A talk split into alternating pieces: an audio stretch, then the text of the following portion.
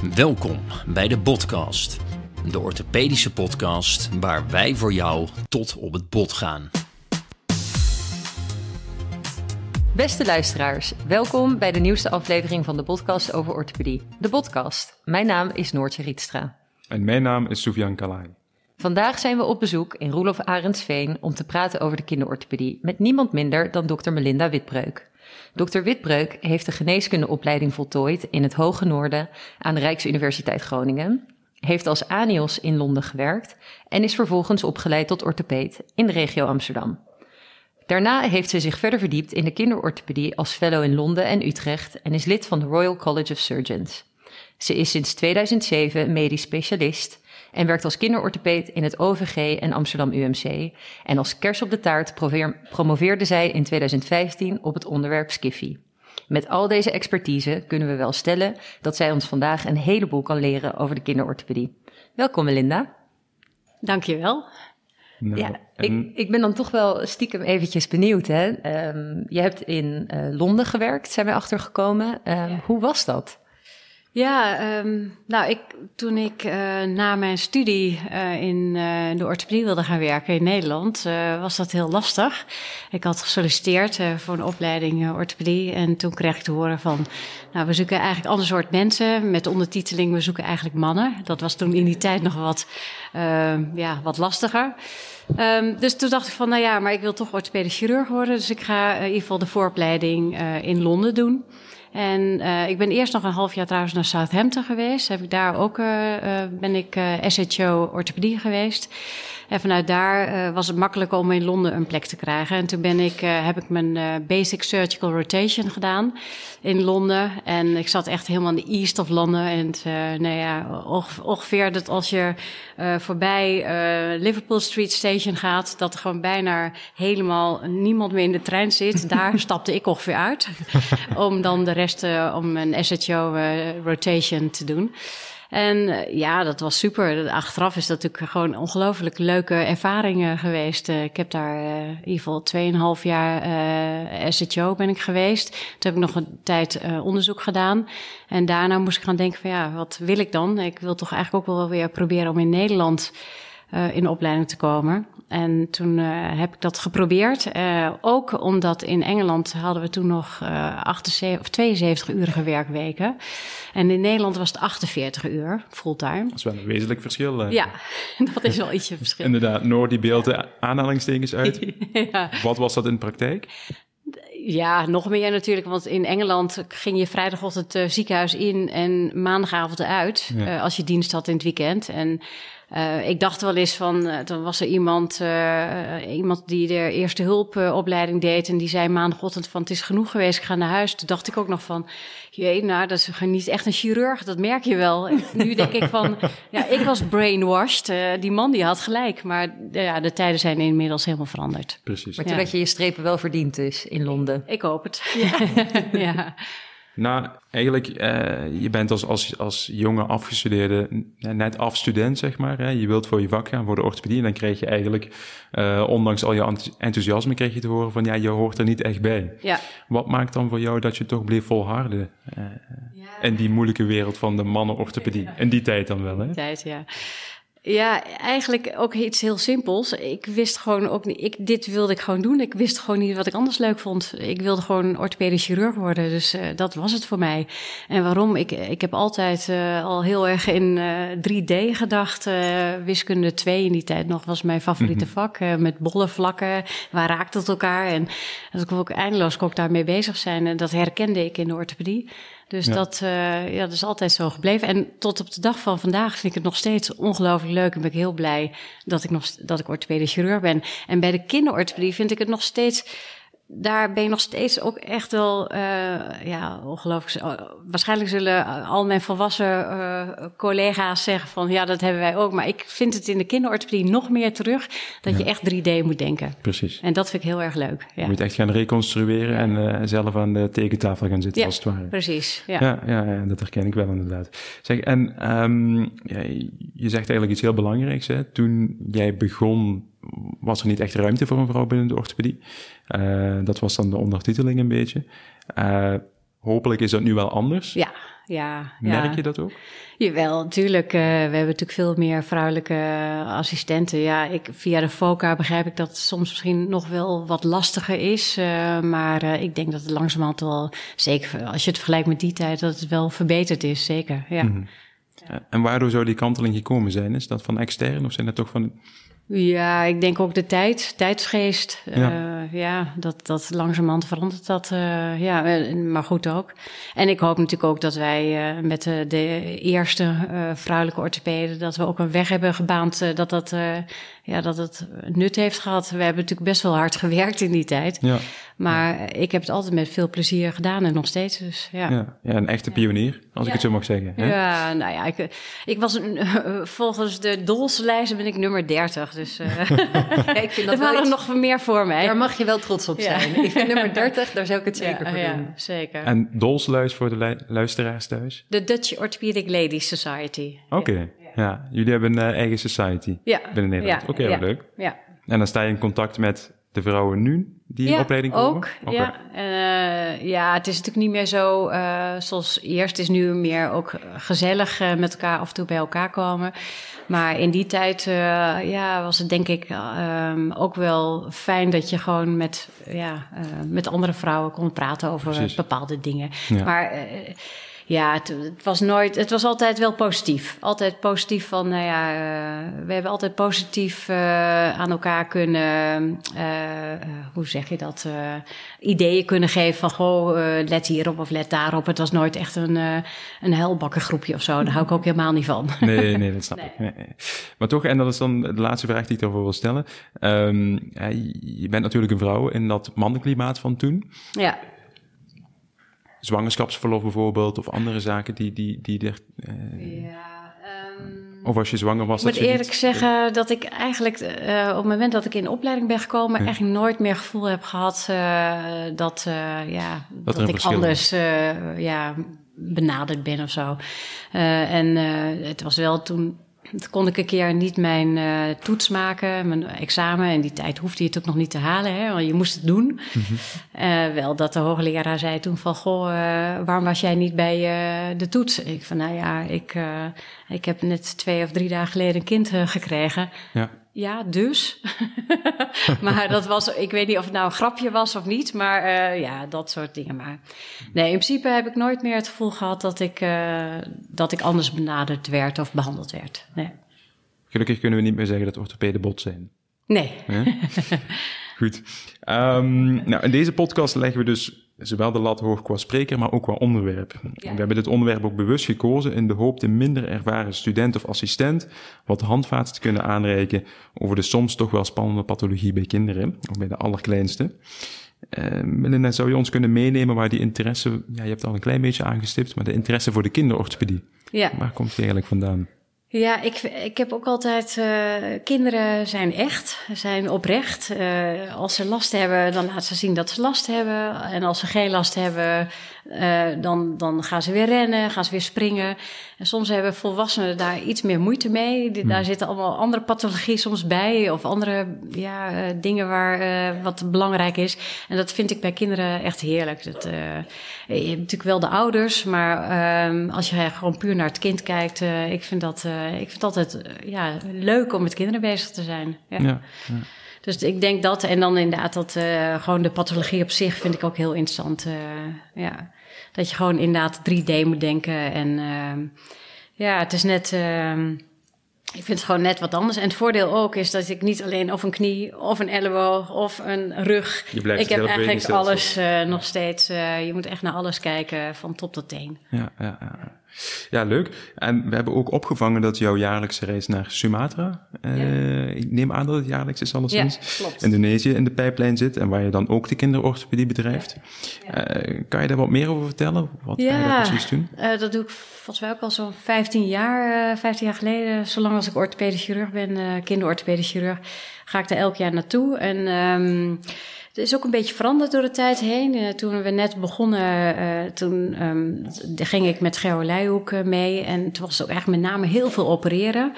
En uh, vooral kinderen en um, ja, ouders helpen natuurlijk, die te weinig geld hadden om zorg te krijgen. Maar Indonesië is natuurlijk enorm veranderd de afgelopen 15 jaar. Het is gewoon meer een, een middle-income country gekomen in plaats van mm -hmm. low-income country. En ook de mensen die kunnen makkelijker nu eh, kunnen makkelijker zorg krijgen. Er is een soort basisverzekering gekomen in die okay. tijd. Ja. Dus dan kunnen ze wel naar het ziekenhuis toe. Dus het is nu niet meer zo de aandacht op heel veel opereren, maar het is meer de aandacht op onderwijs. En we zijn ook uh, verbonden aan de Universiteit uh, van Medan in uh, Sumatra. En daar geven we ook elk jaar onderwijs. En de assistenten daar, die komen ook eens per jaar naar Nederland. in het OVG lopen ze twee, jaar, twee weken mee. en dan, of vier weken mee, sorry. En dan gaan ze ook nog vier weken naar België, omdat ik samen met Greta Draaimaker altijd naar Indonesië ga. Um, dus dat, het is gewoon ook een soort uitwisselingsprogramma geworden. En uh, ja, het, dat maakt het echt ongelooflijk leuk. Dat je ook daar onderwijs geeft. Ook uh, de Ponseti-methode, uh, heupdysplasie. Bepaalde operaties uitvoert samen met de assistenten. Altijd samen met assistenten daar. Ja, ja, ja het echte opleidingsklimaat daar weer een beetje gaan verzorgen. Ja. Oké, okay, ja, heel leuk. En je werkt dan ook zowel in het Amsterdam UMC als in het OVG, een perifeer ziekenhuis.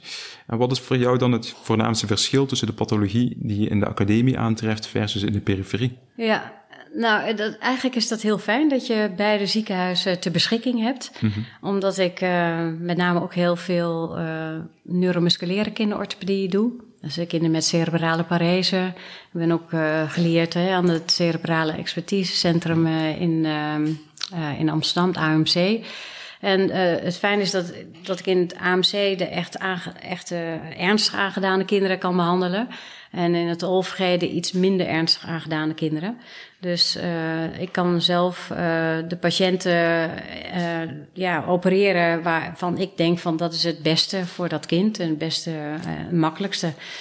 Um, natuurlijk doe ik ook de meeste klompvoeten wel in het OLVG en heupdysplasie. Maar ik zie ze ook gewoon af en toe wel in het AMC. Dus dat is een beetje, ja, Zouden we dan mogen stellen dat het meer de academische patiënt is die in het ja. uh, Amsterdam UMC ja. behandelt en de... Ja, met name de ernstige aangedane kinderen behandel ik in het AMC. Ja. ja. Dus eigenlijk is dat wel een beetje misschien vooruitstrevend, want het is zo, denk ik, dat de gezondheidszorg steeds uh, ja, daar zijn ze natuurlijk al mee bezig nu. Dat uh, alleen de mensen die echt academische hulp nodig hebben in de academie behandeld worden.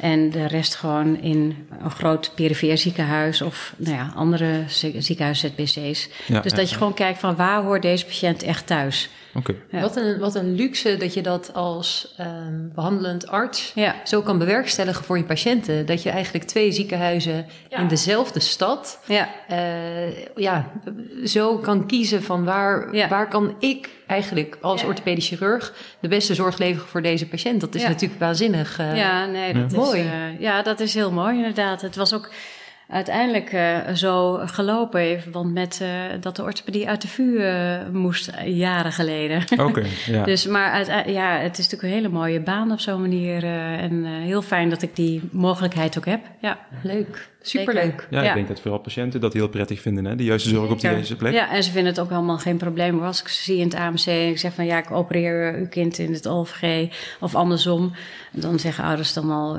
vinden ze prima. Ja. Als ze maar weten waar ze naartoe moeten en hoe laat. Dan uh, is het goed. Ja, ja. Dus. leuk.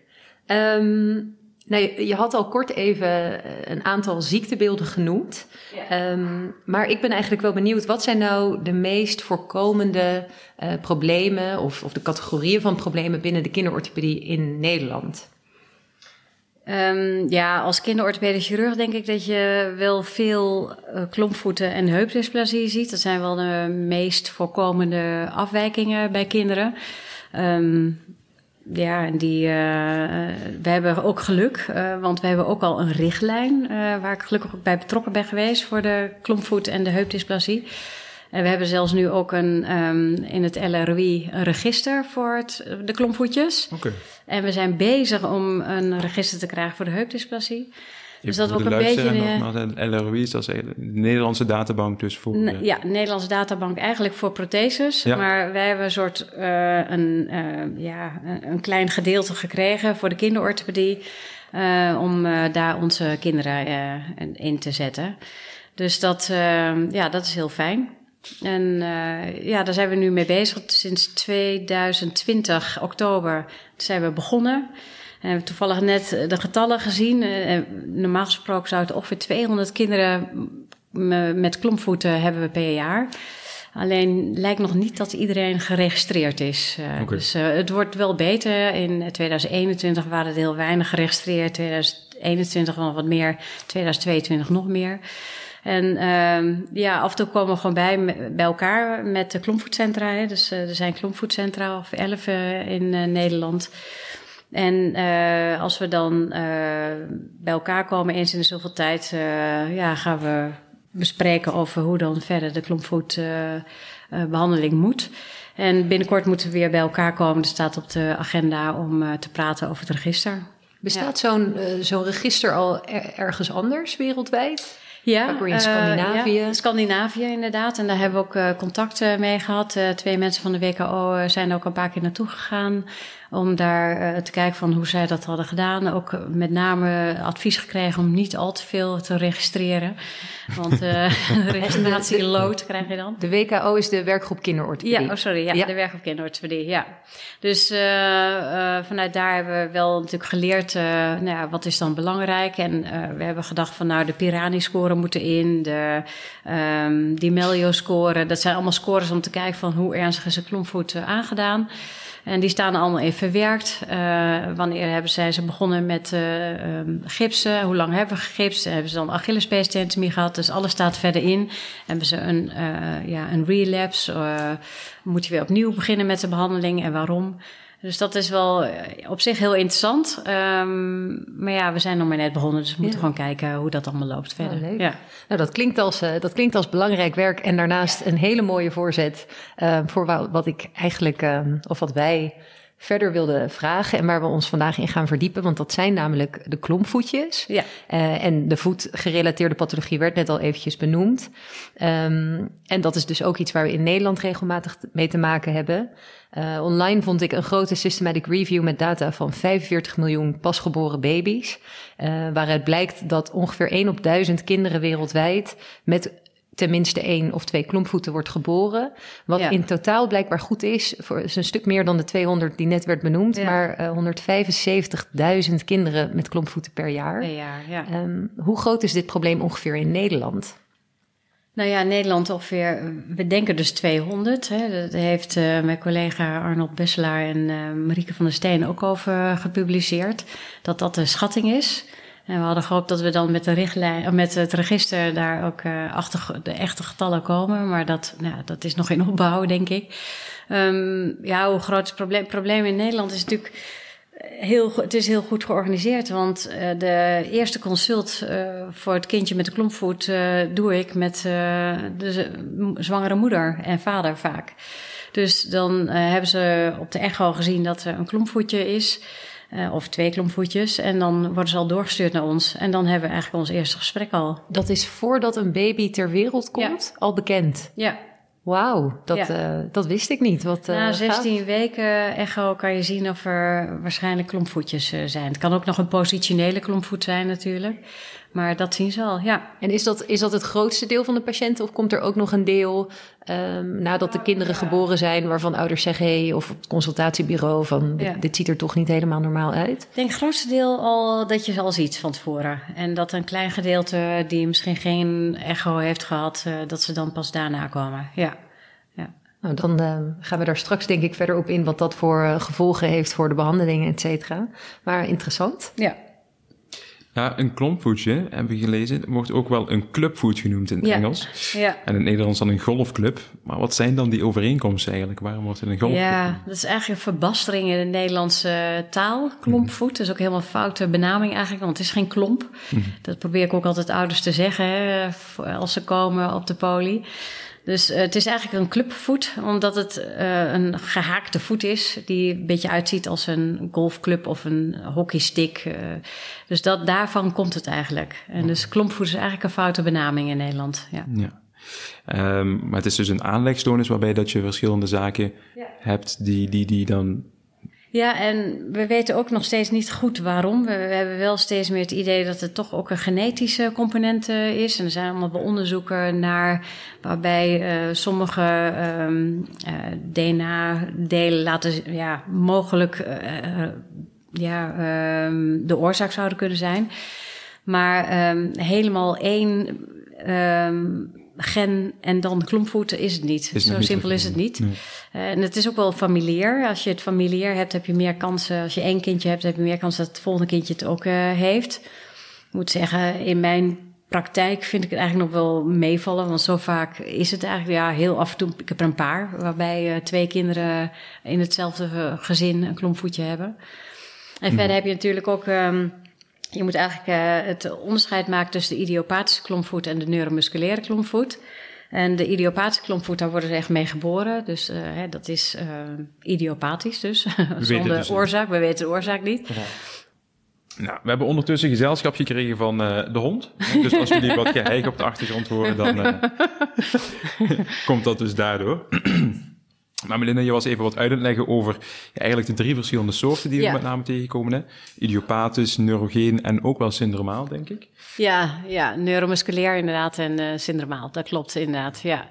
Dus, uh, en syndromaal is meestal ook wel uh, tegelijkertijd. Maar ja, uh, wij, ik zit ook in een uh, expertisegroep in het AMC FATS, is dat? Fetale Akinesia um, Distress um, Sequence. Mm -hmm. Daar moet ik ook altijd even over nadenken hoor. Ja. Maar um, daar, daar zijn kinderen die in de buik gewoon helemaal geen beweging hebben tot verminderde bewegelijkheid. En daar zie je dat er ook sommige kinderen uh, hebben, maar ook sommige kinderen alleen maar klompvoeten. Dus er is ook een soort van de overgang van um, ja, hoe ernstig een klompvoet is. Is het alleen maar een, ja, een normale klompvoet of zit er toch iets van arthrogryposes achter? Of, hè? Dus er is, er is iets van een um, ja, overgang waar we niet helemaal precies kunnen zeggen van oh, dit is precies dat, dat is precies dat. Dus een, eh, een, er lijkt ja. een correlatie tussen te zijn. Alles. Ja, ja, zeker, ja. En maar kunnen we dan wat meer, zijn we ondertussen wat meer te weten gekomen over de pathofysiologie of wat er nu precies misgaat bij iemand die een klompvoet krijgt? Um, nou ja, wat we wel weten, uh, dat, uh, dat hebben we ook onderzoek naar gedaan, dat als je de kuitomvang meet en de voetlengte uh, meet, dat je dat eigenlijk al prenataal ziet. Dus, um, en we hebben dat postnataal ook bekeken. En er is echt een verschil. Dus er is al iets gaande in de buik. Mm. En daardoor zie je dan ook die afwijking. Ja.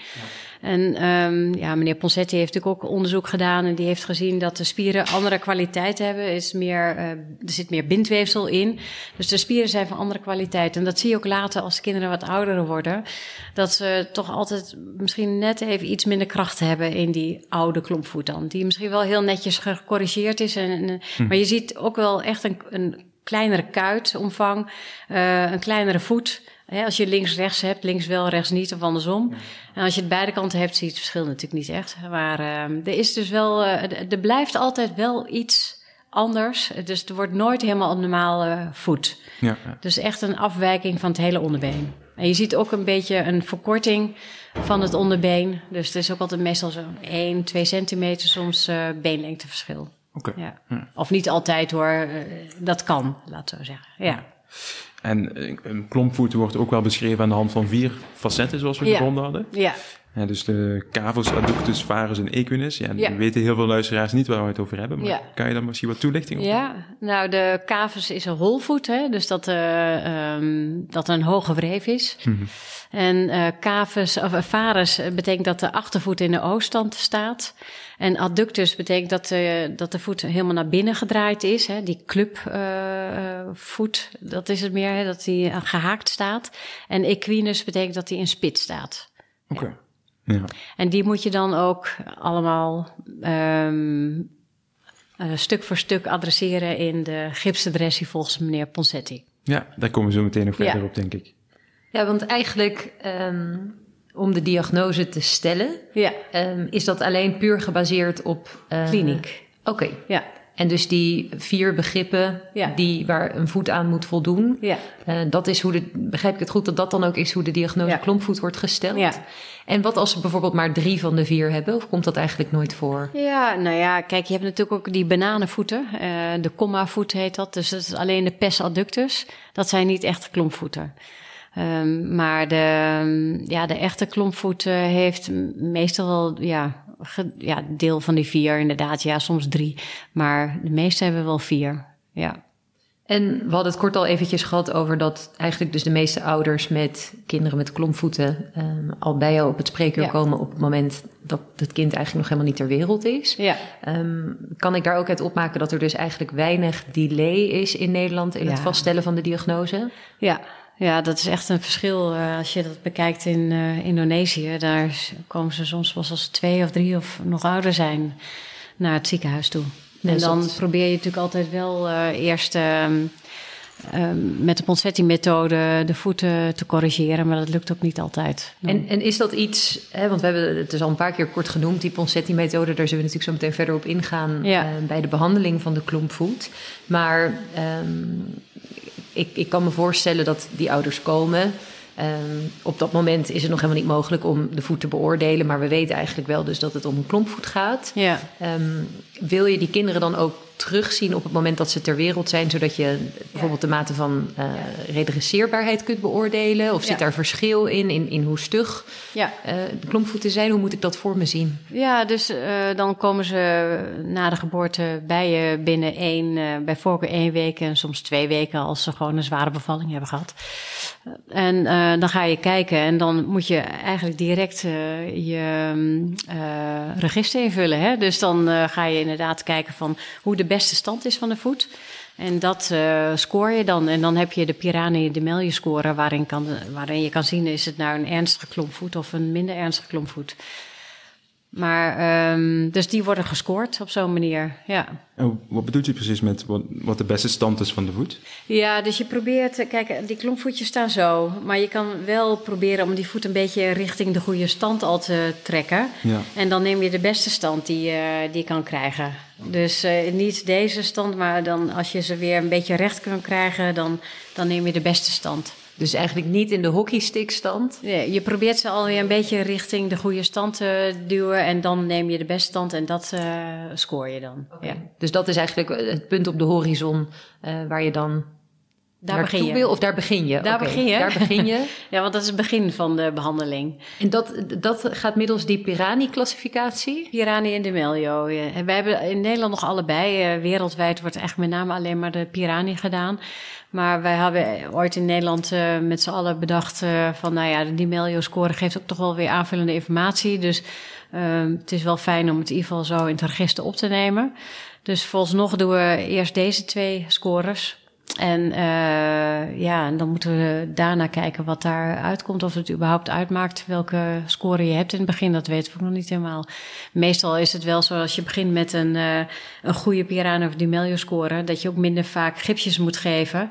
En gemiddeld is ongeveer 4 tot 6. Ehm, en daarna doe je dan je Achillespees tentomie. Dus je probeert van volledige adductie, hè, dat die voet helemaal gehaakt naar binnen staat, helemaal de voet naar buiten te brengen. Eh, en dat heet dan abductie. En dat is dan meestal zo rond de 50, 60 graden, 60, 70 graden. En dan voel je in de achtervoet of ook de achtervoet meegaat. Hè. Die moet dan van een varenstand naar een valgestand gaan. Eh, de spits kan je er niet uitgipsen. Uh, want uh, als je dat doet, dan duw je eigenlijk je talusneus of je talusronding in de tibia. Dus dan krijg je een afgeplatte tibia. Mm. Uh, dus je doet eigenlijk de, de cavus begin je mee, dan de varus en de adductie doe je samen, omdat je ze in abductie drukt en dan ja, druk je je talusneus, dat is een botje die aan de buitenkant zit, die moet naar de binnenkant toe. En dan totdat je helemaal tevreden bent dat die 60, 70 graden staat. En dan um, de Achillespees is de enige pees die je niet kan oprekken. En die moet je dan doorsnijden. En dat is om de equinus dan eigenlijk En dat te is de verhelpen. laatste stap. Dat is de equinus. Die kan je dan pas doen. En dan uh, kan je hem omhoog brengen. Ja. Oké, okay, duidelijk. Um, en als, als u zo'n kind onderzoekt eigenlijk die bij u op een spreekuur komt met klompvoetjes... Ehm, zie je dan ook veel associaties met andere ziektebeelden die er vaak kunnen voorkomen, zoals heupdysplasie of andere zaken? Nou ja, eigenlijk helemaal niet. Uh, maar in de literatuur staat dat nog wel beschreven. Mhm. Maar er is ook wel onderzoek naar gedaan dat dat eigenlijk helemaal niet gerelateerd aan elkaar is. Maar ja, het kan natuurlijk. Hè? Je kan klompvoeten en een heupdysplasie hebben. Dus maar je hebt niet meer risico erop, alleszins. Ja, dat, in de literatuur staat dat nog wel. Maar um, we vragen ons af of dat echt zo is. Dus nog hebben we het wel staan dat we het moeten controleren. Dus we gaan ook wel echt uh, altijd als je een kindje met een klompvoetje krijgt. Ja, je laat je het helemaal uitkleden. Je gaat natuurlijk altijd even helemaal het kind onderzoeken. Dat behoort sowieso bij elk kind wat op je, in je spreekuur komt. Mm -hmm. als iemand last heeft van een grote teen, ga ik toch altijd even naar de rug, uh, heupen, knieën en uh, dan pas naar de voet kijken. Hetzelfde met de klompvoet. Je gaat even helemaal controleren. Je controleert de heupen, knieën. Um, maar het kan inderdaad. Je kan andere afwijkingen erbij hebben. In de syndromale kinderen of kinderen ja. met arthrogryposes. Ja. ja. En we hebben het er al even kort over gehad. Um, maar historisch gezien zijn er de afgelopen eeuwen toch wel diverse methodes geweest om klontvoetjes te behandelen. Ja. Um, gipsredressie speelde daarin dus vaak wel een rol. Um, en de beschrijving en behandeling van de klompvoet is zelfs al door Hippocra Hippocrates gedocumenteerd. En is sindsdien ook denk ik erg veranderd, neem ik aan. Ja.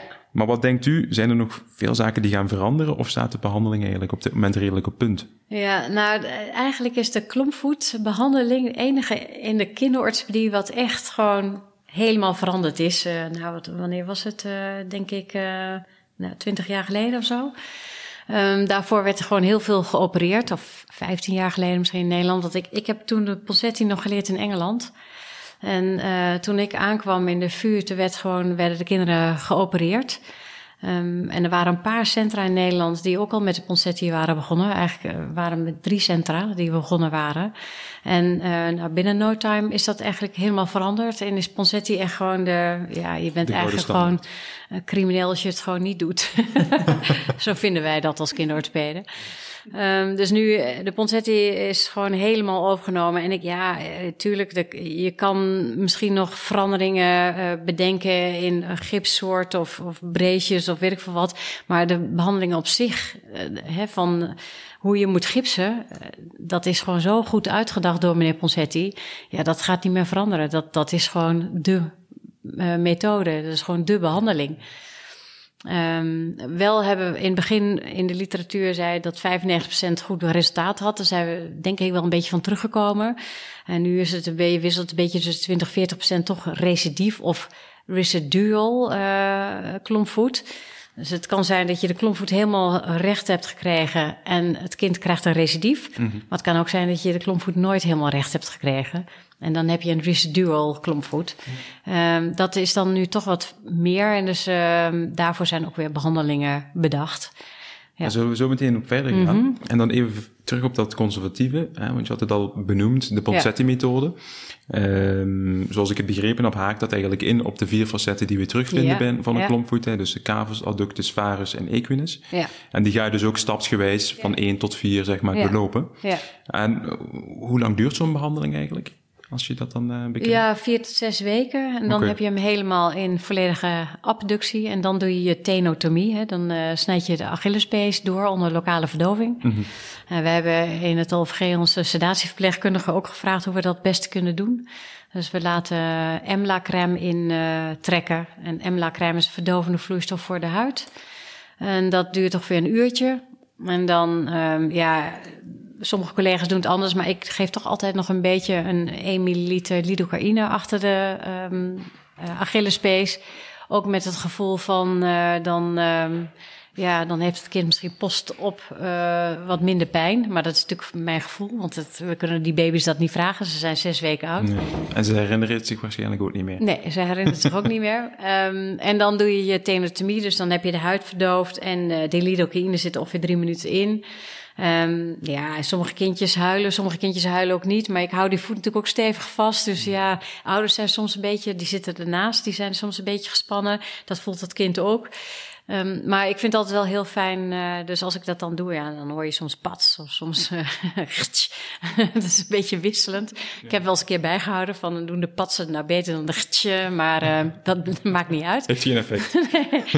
um, maar um, dus dat zeg ik ook soms tegen ouders van ja, je kan in één keer patsen horen. Want ik heb één keer een vader gehad die, die was politieagent en die hoorde patsen en die viel bijna flauw. Die zei van oh god, ik hoorde pats, het is het wel goed. Ik nee, dat, dat moest u juist horen.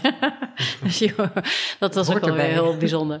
Ja. Nee, dus ik, ik, ben, uh, ik vind het fijn dat de ouders erbij zijn. Niet al mijn collega's doen dat. Um, en als je het maar gewoon goed uitlegt, is het fijner voor de baby ook. Uh, die voelt zich toch veilig. Ja. We geven een beetje um, suikerwater erbij. Uh, ook een beetje pijnstillend. Dan zijn ze wat afgeleid, dat suikerwater. En ja, dan doe ik een steriestripje erop en dan gaan ze weer opnieuw in het gips. Klinkt wel zo'n heel uitgedacht plan uh, als ik het zo hoor. Ja, ik heb het helaas niet zelf bedacht, hè, maar uh, ik ben een uitvoerder. zeg, en dan volgt de nabehandeling, denk ik, hè? Ja. Ja, en dan gaan ze drie weken in het gips uh, in volledige gecorrigeerde toestand. Hè. Dus dat is wat je eigenlijk wil. 60, 70 graden abductie en 10, 20 graden dorsaalflexie van de voet. En um, dan drie weken hebben ze de tijd om de Achillespees weer te laten genezen. En alle baby's hebben gewoon weer genezen Achillespezen nadien, als je het gips eraf haalt. En dan krijg je de boots en bar uh, tijdwerk. En dat is soms best lastig. Vooral voor de kindjes die aan één kant klomvoetje hebben en aan de andere kant niet. Want dat ene goede voetje, die probeert nog wel eens uit dat um, breedje te wurmen. En daar moet je heel erg voor uitkijken dat ze geen blaren krijgen of drukplekjes. Dus dat moet je ook goed uitleggen aan de ouders, dat ze daar goed op letten. Mm -hmm. uh, en um, nou, ze komen na één week altijd weer terug. En als er wat is, kunnen ze altijd foto's sturen naar de gipskamer. En dan wordt er altijd direct uh, op gereageerd. Dus, uh, en als ze echt een druk plekje of een blaadje zien, moeten, moeten de schoentjes uit.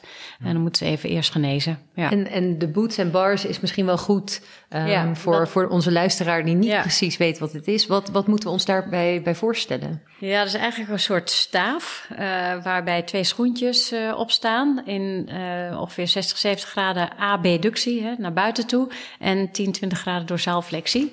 Um, en dan uh, blijf je dus die voeten in die stand staan. Uh, op dezelfde manier waarop je ze als laatste in het gips hebt gezet. Dus wat wil je? Je wilt eigenlijk alle spieren uh, aan de binnenkant van de, het onderbeen op blijven oprekken. Want we weten dat ook al heb je na die zes weken plus drie weken gips, negen weken een hele mooie stand van de voeten. Als je niks meer doet en je laat de voeten gewoon los, dan gaan ze weer terug. Want er zit toch bindweefsel in die spieren. Die spieren worden weer korter en dan krijg je een recidief. Dus om het zo te behouden, um, geven we ze nog in ieder geval voor tot het vierde jaar een boots en. Dus een, uh, zo'n staaf en die twee schoentjes erop. Als je twee kanten klompvoetjes hebt, dan zitten ze allebei dezelfde manier op die staaf. En dat is dan inderdaad die 60, 70 graden abductie en dorsaalflexie. Als je één kant wel een klompvoetje hebt, de andere niet. Dus het niet-klompvoetje komt dan ongeveer 40 graden te staan en die andere op 70. En, dus, en hoe lang moeten ze dat? Want je zegt ja. tot vier jaar eigenlijk. Ja. Um, maar goed, dat kind zit dus eigenlijk in een soort snowboard. Om ja. het zomaar een beetje, hè, zo, zo zie ik dat een beetje voor me. Um, hoeveel uur per dag moeten ze zoiets dragen? De eerste drie maanden is het uh, 23 uur per dag. En daarna gaan we over naar de slaapjes. En dat is meestal in het begin 16 uur per dag. En dat wordt dan langzamerhand 12 uur. Omdat de kinderen, als ze nog heel jong zijn, 4 uur slapen overdag. En die overdagslaapjes die worden steeds korter. En dan hou je eigenlijk alleen de nacht over. Dus dat is 12 uur. En je zei het al eventjes van, het is, het is best vervelend voor die kinderen. In het begin, ja, ze moeten ja. even wennen. Ja. Maar ik kan me voorstellen um, dat het als ouder dan misschien best moeilijk is... als je ziet dat je kind het snowboarden niet zo leuk vindt. Ja, ja. Of de boots en bars, moet ik natuurlijk zeggen. Uh, wat is jouw ervaring met, met, met ouders in zo'n situatie? Hoe gaan die daarmee om voor zo'n lange tijd? Nou, daarom is het, het is heel belangrijk om klompvoetbehandeling te zien als een teambehandeling. En de meest belangrijke mensen in ons team zijn de ouders. En uh, de gipsmeesters, uh, we hebben physician assistant en, uh, en ik dan. Dus, en in het AMC zit mijn collega Peter Struis. Dus wij, wij zijn één team. Allemaal. Maar de ouders zijn het meest belangrijke, want ja, ik ben natuurlijk s'nachts niet bij. Dus de ouders moeten die, die breedjes aandoen. En zo proberen we ook hun te behandelen. Dat van, ja, we zijn een team, we moeten dit samen doen. Jullie hebben ook je verantwoordelijkheid, wij hebben onze verantwoordelijkheid.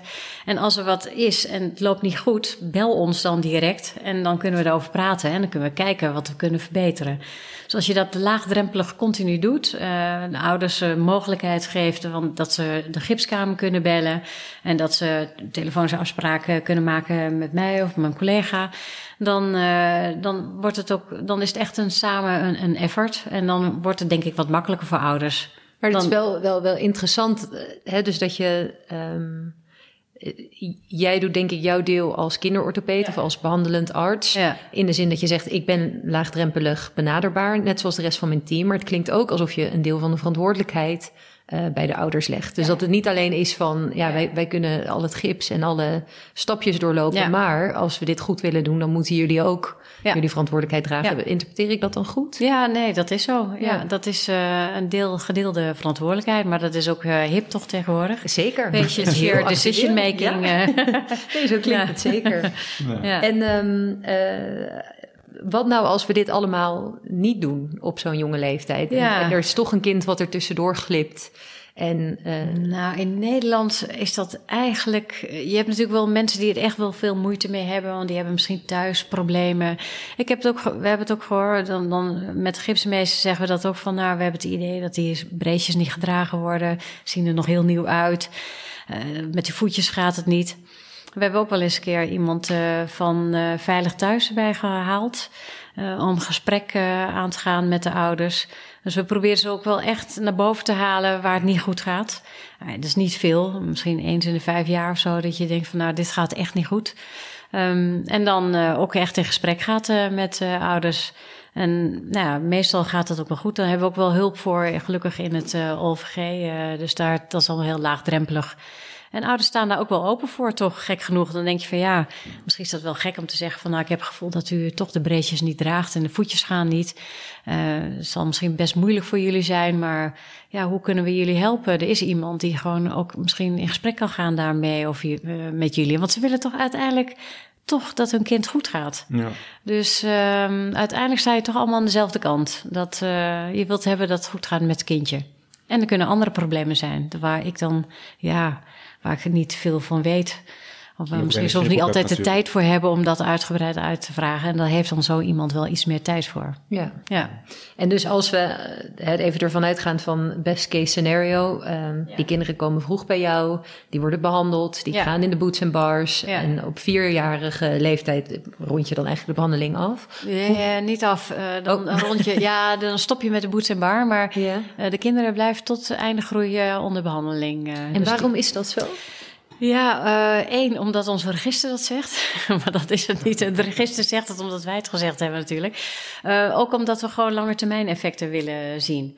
Maar dan moet ik wel zeggen dat, kijk, als ik een, kind van 10, 12 jaar heb die heel goed gaat, dan zeg ik van nou kom over vier of, eh, of vijf jaar. Normaal, ons register zegt van je ziet ze nog een keertje bij eh, ehm, nou ja, vijf jaar of tien jaar en 18 jaar. Dus, het hoeft ook niet dat je ze elk jaar te ziet op een gegeven moment als het heel goed gaat. En je kan natuurlijk ook zeggen, ook patient-shared decision making. Als het niet goed gaat, bel me dan. eh, dus, eh, maar bij de kinderen waarvan ik denk van ja, ik weet niet, toch niet helemaal lekker, eh moeten naar de fysiotherapeut, omdat ze toch een hele milde eh, ja, supinatie hebben tijdens het looppatroon. Maar weer net te weinig dat je daar operatieve ingreep voor wil geven. Die hou je toch wel iets strakker onder controle. Dus het is, wisselt een beetje. Ja. Oké. Zeg, en En als je niks doet, dan eh, kom je inderdaad in de klompvoeten die ik eigenlijk alleen nog maar in Indonesië en de eh, afgelopen twee jaar ook naar Marokko geweest. Dat zijn de kinderen die, eh, nou, ik kan het je zo, zo meteen laten zien. Kinderen die echt eelt hebben op de, ja, we zeggen de dorsale eh, zijde van de voet. Dus niet op de, de onderkant van de voet, maar op de bovenkant van de voet. Voor ons bovenkant van de voet, wat voor hun dan de onderkant wordt. Dus die lopen helemaal met hun voeten naar binnen geklapt. Helemaal gedraaid inderdaad. Ja, ja. Ja. Dus eh, die, ehm, die opvolging, zeg maar, totdat ze einde groei zijn, Ja. betekent dat dan ook dat, eh, ondanks dat zij zeg maar op een vierde dat het allemaal goed gaat, Ja. dat het dan toch nog een beetje terug kan komen Ja. eh, op een Ja. achtste bijvoorbeeld of negende. Dat, Ja, meestal wel eh, het eerste jaar. Dus eh, als je ze uit, de, uit de, de boets en bar haalt, dan zeg ik altijd, nou kom nog even over een half jaar en dan een jaar terug. En als het dan goed gaat, dan, dan wat langere afstanden ertussen. Maar het, soms zie je dat omdat het dan niet gestretched wordt, dat, eh, dat die, het is toch een beetje een andere dynamiek in die voet. Dus de tibia's anterior, posterior, die zijn soms toch wat sterker dan de peroneeën spe- spieren. Dus de spieren aan de binnenkant van de voet, die zijn iets sterker dan de spieren aan de buitenkant van de voet. Dus die trekken die voet dan toch soms weer een beetje terug. En dan kom je een beetje in die neuromusculaire aandoeningen. Die hebben een beetje hetzelfde. Hè? Kinderen met cerebrale parese, die hebben ook een, een eh, verkeerde balans in de voet, of met spina bifida. Dus de ene spier trekt dan net iets harder dan de andere spieren. En dan kan je kijken van, is dat überhaupt te behandelen met fysiotherapie eh, of met, eh, we hebben tegenwoordig ook eh, een ADM-brace. Je kan ze ook nog behandelen daarna nog met een andere brace die niet met een stang, maar die gewoon met een veer aan één onderbeen gezet wordt. Zodat je toch nog continu stretching krijgt van die spieren die eigenlijk een beetje te hard werken. Oké. Ja. Dus er zit, dat is dan toch iets neuromusculairs wat daaronder zit. Wat er ten grondslag ligt, maar we Ja. nog niet helemaal precies de vinger op kunnen leggen. Zeg, en hebben best wel veel over de cons- conservatieve behandeling gehad. Ja, Als ik eh, de uh, Achillespees eh, tenotomie daar ook onder ja mag scharen. zeker. Ja. Ehm, maar zijn er ook operatieve behandelingen? Wanneer zie je daar een indicatie voor? Ja, dus bij die kinderen waarbij die dynamische supinatie toch sterker is en wordt, kan je ook de tibialis anterior verplaatsen. Hè, van de mediale zijde van de voet naar het midden van de voet. Eh, naar de cuneiform laterale, dat is een botje in het midden van de voet. Ehm, ja, sommige mensen zeggen dat hoort bij de klompvoet, bij de, hoort bij de Ponseti-methode. Aan de andere kant denk ik van ja, het is toch een operatieve ingreep. eh, dus daar, daar zitten wij ook nog een beetje mee te, eh, te stoeien. Van is dat nou een, dan een, een operatief, een relapse? of is dat, hoort dat nou bij de klompvoetbehandeling? Ehm, ongeveer, ja, in de literatuur zegt dat het bij 20% ongeveer van de kinderen nodig is. Dus daar heb je dan ook weer een beetje die gradatie, hè, van welke voeten gaan dan, hebben toch meer kans op een recidief en welke voeten niet. En dat is toch lastig te zeggen op het moment dat je begint met die Ponseti-behandeling. En dat is nog iets wat we moeten gaan uitzoeken en uitvinden. Dat je van tevoren weet van, oh ja, deze voet, die gaat niet goed. We doen ook onderzoek eh, in het, ehm, in het OVG eh, samen met het AUMC. Eh, kijken we ook naar kuitspieren. Met de echo kunnen we 3D-beeld van maken. Ehm, hebben we ook links en rechts eh, kunnen we vergelijken. Ehm, volume en vezelrichting, leng- lengte van de Achillespees, dat soort dingen. Dus om die informatie allemaal ja, te verzamelen en te kijken van, nou, kan je nou al van tevoren zien van welke kinderen gaan nou niet goed? Want dat is natuurlijk heel makkelijk dan, dan weet je dat. Ja, ja, ja. en die kan je dan wel beter opvolgen of eventueel nog zo'n... Ja, eh, of misschien wat vaker opvolgen, of misschien nog wat extra fysio geven, of misschien die ADM-brace geven van tevoren. Ja. Zeg, en de grote reconstructieoperatie van vroeger, zeg maar, wat eh, twintig jaar geleden... Turco heet dat. Ja, de postromediale release. Ja, Ja, ja. ja. Ja, Kan je misschien even voor de luisteraars vertellen wat dat precies inhoudt? Ja, dat, eh, eigenlijk in Nederland komt dat bijna niet voor. Alleen misschien bij echte nare syndromale voeten. Eh, in Indonesië en Marokko moeten dat dan nog wel vaker doen. Dus ik ben wel blij dat ik die eh, operatie kan nog. Want eh, ja, als je ehm, eigenlijk alleen nog maar Ponseti doet. Dus vroeger met de eh, laparoscopische galblazen... dat mensen geen open galblaas meer konden doen. Dat is een beetje bij de Ponseti ook. Hè? Dat als je alleen nog maar Ponseti doet... dat dan de postromediale release ja, zo zeldzaam wordt... dat het lastig wordt... eh. Maar wat je doet, eh, ja, eh, het is natuurlijk een eh, hele dramatische operatie. Zeker als je Ponseti gewend bent. Maar dan moet je eigenlijk alle spieren aan de mediale zijde, aan de binnenkant van de voet langer maken. Want dat zijn die voeten die eh, hè, met bindweefsel te hard trekken. Dus die maak je allemaal langer. En ehm, dat zijn de, hè, de, de, de buigers van de tenen, van de grote tenen, van de, de kleinere tenen. En dat is eh, die, die twee spieren, de posterior, die ik al eerder had genoemd. En dan ook de Achillespees. Eh, en dan ben je nog niet klaar, want dan is het vaak ook het kapsel heel stijf en dik. Dus dat kapsel moet je nog helemaal losmaken. Eigenlijk bijna helemaal tot aan de binnenkant van de voet. En dan zie je ook vaak dat een botje, dat heet een naviculare Uh, zit helemaal uh, vlak tegen je uh, mediale malleus aan, dat, aan de binnenkant van je voet.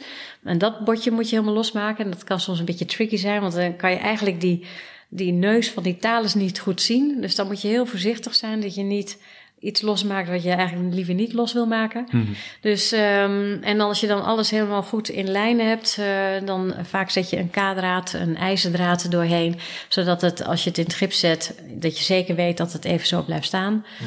En dan uh, haal je het zes weken later er weer vanaf. Maar die voeten, ja, die zijn natuurlijk volledig anders dan kinderen die met de Ponseti behandeld zijn. Dat zijn toch iets stijvere voeten. Um, ja, dus uh, dat is, je probeert dat te voorkomen inderdaad. En dat is zo fijn in Nederland. Dat het eigenlijk gewoon heel goed geregeld is hier. Ja, dus dat, ja. Uh, dat dat zeld, ja, echt zeldzaamheid is. Ja. En de functie dan nadien, nadat de kinderen uitbehandeld zijn? Ja, nou ja, het komt wel terug en ze kunnen natuurlijk gewoon wel lopen, maar ja, toch ook iets minder krachten en uh, ja. Uh, en beide groepen, zowel diegenen die zeg maar met de turco behandeld werden als conservatief? Ja, de... dat, dat je toch nog wel nee, verschil ik ziet? denk de kinderen die echt behandeld worden met echt zo'n operatie. Maar ja, dat zijn dan ook vaak syndromale kinderen. Hè? Die hebben toch al andere ja. functie van de spieren. Mm -hmm. Dus dat is ook een beetje moeilijk te vergelijken met elkaar. Echt de gewone klompvoet kan eigenlijk altijd met Ponseti. Dus dat, dat doe je nooit met uh, zo'n operatie. Dus dat is sowieso de zwaardere groep. Misschien de arthrogryposes, de de neuromusculaire kinderen. Um, dat zijn de kinderen die je echt vaak moet opereren. Of vaak, die, die je dan moet opereren. Ja. ja. Maar als je nou bijvoorbeeld vergelijkt met de ernstige klompvoeten die ik in Indonesië, die ik dan een jaar of twee jaar later weer terugzie, die ik geopereerd heb. Ja, dan, uh, maar dat zijn natuurlijk kinderen die al uh, vier vijf of zes jaar zijn. Uh, die voeten staan natuurlijk al heel lang verkeerd. Dus die botten zijn ook een beetje vergroeid. En als je die dan recht zet, ja, ze kunnen wel natuurlijk mooi vooruitlopen, maar het is natuurlijk toch anders dan, uh, dan als je ze met Ponseti behandelt. Dus daarom, prachtige behandeling. ja. Quick for. Ja, Melinda, wat is jouw favoriete bot? Oh, mijn favoriet. Nou, de talus. Want de hele voet draait om de talus. Ja. Mooi antwoord. Ja. ja. Zo snel hebben we nog niet vaak gehad, nee, denk ik. Ja, nee, moeten mensen even nadenken. Van, ja. wat is dat? Nee, dat is wel echt de keystone van, uh, van de voet, de ja. talus. Ja. Heb je dan ook als kinderorthopeed die toch nog de privilege, het privilege hebben om het volledige bewegingsstelsel te behandelen, toch nog steeds de voorkeur voor de voet? Ja, ik vind uh, voeten en heupen, dat, maar dat doe ik ook het meeste. Ja. Um, ja, en natuurlijk ook gewoon wat ik ongelooflijk leuk vind, is de kinderen met cerebrale parese. Want die behandel ik uh, samen met uh, eigenlijk de revalidatieafdeling in het AMC. En dan doen we gangbeeldanalyses van tevoren. We doen uh, staande CT-scans van de voeten. We doen echo's. Uh, dus een hele. En ook een gangbeeld van de voet. Dus een heel uitgebreid onderzoek. Hartstikke leuk. En dan zitten we met z'n allen te kijken van wat moeten we nou veranderen hier aan dit kind. Zodat dit kind beter kan lopen. En dat vind ik ook een ongelooflijk leuke uitdaging. En dan doe je de operatie. En dan een jaar later gaan ze weer kijken. Um, van nou, is het dan verbeterd? En nou, hoe ziet dat kind eruit? En dat is echt ongelooflijk leuk dat in zo'n team uh, te doen. Ja. Moet, je, moet je daarbij, ik ben daar altijd wel nieuwsgierig naar, maar het klinkt alsof je daarbij dus ook juist heel erg vooruit moet kijken bij die ja. patiëntenpopulatie. Dus dat het niet alleen is van waar heeft dit kind nu last van. Ja, ja, um, ja maar dat doen de revalidatie natuurlijk ook sowieso. Hè. Ze geven die kinderen spalken. Want het liefst, zo'n SEML heet dat, Single Event Multilevel operatie. En dan ben je soms gewoon wel, nou ja zes, zeven uur met zo'n kind bezig uh, voordat je alles uh, helemaal recht hebt geopereerd. Dus, um, maar dat doe je liever één keer in het leven van het kind, aan het einde van de groei. Maar tot die tijd hebben ze botox nodig, hè, spalken hmm. en stretchen en fysio. Dus dat hele traject uh, wordt meestal wel door de revalidatie gedaan. Ja. ja.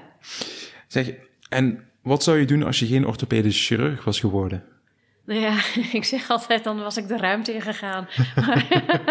dat had me ook heel erg leuk gehad. Ja, echt fantastisch beroep lijkt me dat. Maar ja, ik ben maar kinderorthopeed op deze aarde. ja. Vind ik een goed alternatief hoor. Ja, wel een ja. redelijk alternatief. Ja, vind ik een redelijk ja, alternatief. Um, en als je jezelf een tip zou mogen geven... Um, toen je aan het begin van je opleiding stond... wat, wat zou je jezelf dan, of als advies, meegeven? Dat vind ik nog wel echt een hele... Lastig. Ja, nou ja, ik, um, ik, denk dat ik mijn tip heb opgevolgd. Want uh, ik heb me gewoon vastgebeten in wat ik leuk vond. En dat, uh, ik heb toen ook wel eens gedacht van, moet ik daar niet doorgaan? Uh, maar ik heb toch, ben gewoon doorgegaan, uh, omdat ik echt de orthopedie het leukst vond van wat er is. Dus ik heb, ja, ik heb me er vast, in vastgebeten en ik ben het geworden. En ik ben nog steeds heel blij dat ik het gedaan heb. Dus dat is meer een advies voor anderen die beginnen. Als je echt iets heel leuk vindt, dan moet je er gewoon, ja, gewoon door blijven gaan tot het gewoon lukt. En dan lukt het. Mooi. Mooi Ja. En wat is eh, de grootste verandering in het bedrijven van de orthopedie tijdens jouw carrière geweest? Ehm ja, tja, Epic, denk ik. nou, dan ben je met Epic nog wel goed af, denk ik. Ik denk dat veel ziekenhuizen het eh, niet zo goed getroffen hebben, inderdaad. ja. ja, dat is denk ik de meest eh, grote De digitalisering. Digitalisering, ja. Eh, je kan het voor je werken, maar ik loop elke dag eigenlijk denk ik ook nog wel eens een keer te mopperen. Dat ik weer allemaal klikjes moet doen. En dan zie ik er zo'n jong iemand naast me zitten, een co-assistent. Of ik heb natuurlijk altijd wel iemand in zo'n opleidingsziekenhuis naast me zitten. En denk ik van, oh ja, houd toch eens op. Want ik begin een beetje op mijn oude baas te lijken. Die dan ook altijd te mopperen. Ben je dan een vrolijke mopperaar of een Norse mopperaar? Dat is dan. Nee, nou, ik probeer vrolijke mopperaar te zijn dan. Dat mag ja. Ehm, en ik heb al een klein, een klein voorgevoel bij deze vraag, maar voor welk orthopedisch probleem mogen we jou om drie uur s'nachts wakker bellen? Oh, voor alles. Of- Ja, ja, nee, als maar kinderen zijn, wel voor elk kind een orthopedisch probleem, geen probleem. En dat zeg ik ook altijd tegen mijn collega's. Als, ik, als ze iets hebben wat kinderorthopedisch is, weet het niet, eh, mag je me altijd eh, bellen of appen of eh, geen probleem. Ja. Maar toch dat, eh, iets specifieker, zeg maar. Eh, Je, je gaat straks slapen en voordat, voordat je gaat slapen bedenk je je toch van... hmm, ik zou het wel lekker vinden als ik hiervoor gebeld word straks. In de ideale Nou, wereld dat dan, hè? liever niet. Dat liever niet, denk ik. maar stel dat het toch nee. gebeurt, wat mag het dan zijn? Nou ja, ik ben natuurlijk eh gepromoveerd op afgeleden heupkop. Dat vind ik nog steeds altijd heel leuk om gewoon net die schroef precies midden in de kop te krijgen. Dus dat Ja. vind ik heel erg leuk. Ja. Nou. ja. Duivelse dilemma's. Ehm, een klompvoetje of een beenlengteverschil?